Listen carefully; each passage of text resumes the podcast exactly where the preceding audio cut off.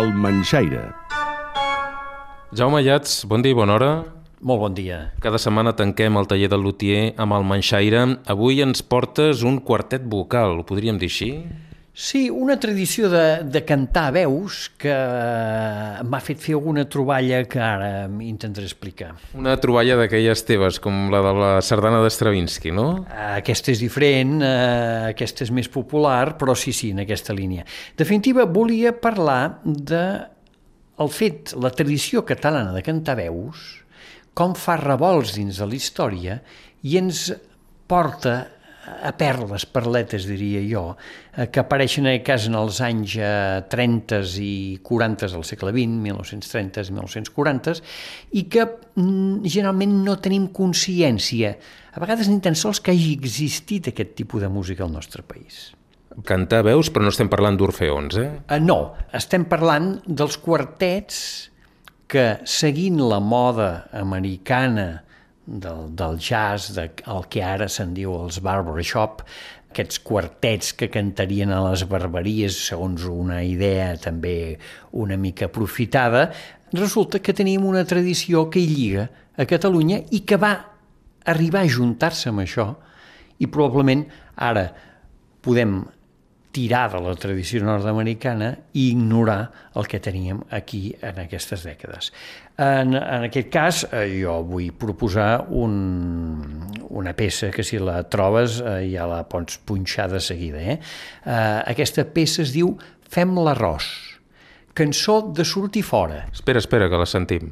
M'imanta l'alegria i si ell ens acompanya, i si ell ens acompanya, anirem a passar el dia d'excursió cap a muntanya. Aquesta cançó és una cançó de gresca, una marxa, molt a l'estil de les nord-americanes, cantada pel quartet vocal Orfeus. Aquest quartet va funcionar als anys 30 i 40, també en pel·lícules, amb alguns noms eh, destacats com eh, Gaietà Renom, i amb l'orquestra Demon, una de les orquestres de jazz més conegudes de la dècada de 1930. Agafen el model nord-americà, però poder ignorem que també agafen el model català.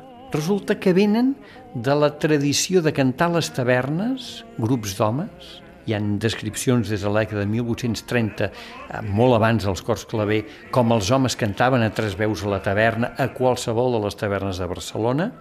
També la tradició de cant més religiós, de confraries o de grups d'homes a l'església on, on processons de Setmana Santa. Després els cors claver van veure d'aquí i van eh, dialogar amb aquestes tradicions durant eh, moltes dècades, els orfeons més tard, però al costat continuava havent-hi doncs, un treball a les fàbriques, un treball dels tapers de Palafrugell, per exemple, eh, o que cantaven habaneres, sardanes, cançons antigues verdes, cançons atrevides, cançons polítiques, i tot això barrejat porta una tradició en la qual en les dècades de 1920 o 1930 devia ser molt difícil entrar a una taverna i no trobar una colla d'homes cantant a veus uns repertoris molt, molt amples i diverses.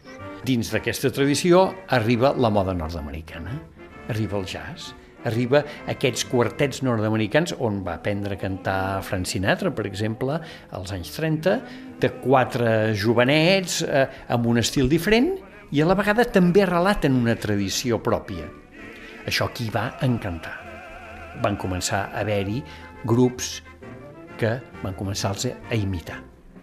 El que ja no va ser tan habitual és que aquests grups deixessin enregistraments, actuessin en concerts, deixessin testimonis com aquest eh, quartet vocal Orfeus que en va fer un model de vida i va acabar eh, fent música de pel·lícula, apareixent a les pel·lícules i cantant eh, músiques eh, molt divertides.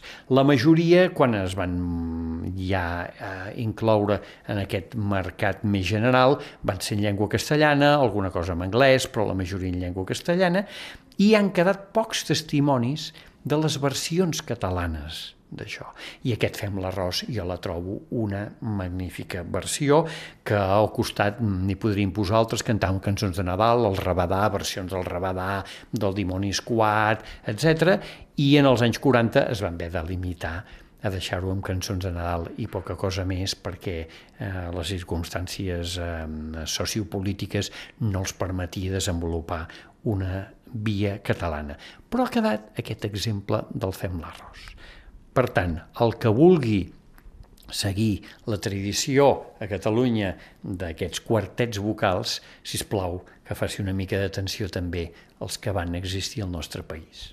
Per tant, qui es pensi que això és nou i que ve dels Estats Units i que és una moda, aquí ja fa anys que va arribar, d'allà també. Sí, sí, sí. A la moda dels Estats Units ja va arribar als anys 20 i 30, sobretot als 30, i ja es va empaltar de la moda catalana eh, corresponent. Per tant, el que vulgui portar una cosa de fora, només mirant als Estats Units, simplement s'haurà perdut la meitat de, del pastís. Avui ho deixem aquí. Gràcies, Jaume. Fins la setmana que ve. A reveure, fins ben aviat. La culpa és del Manxaire.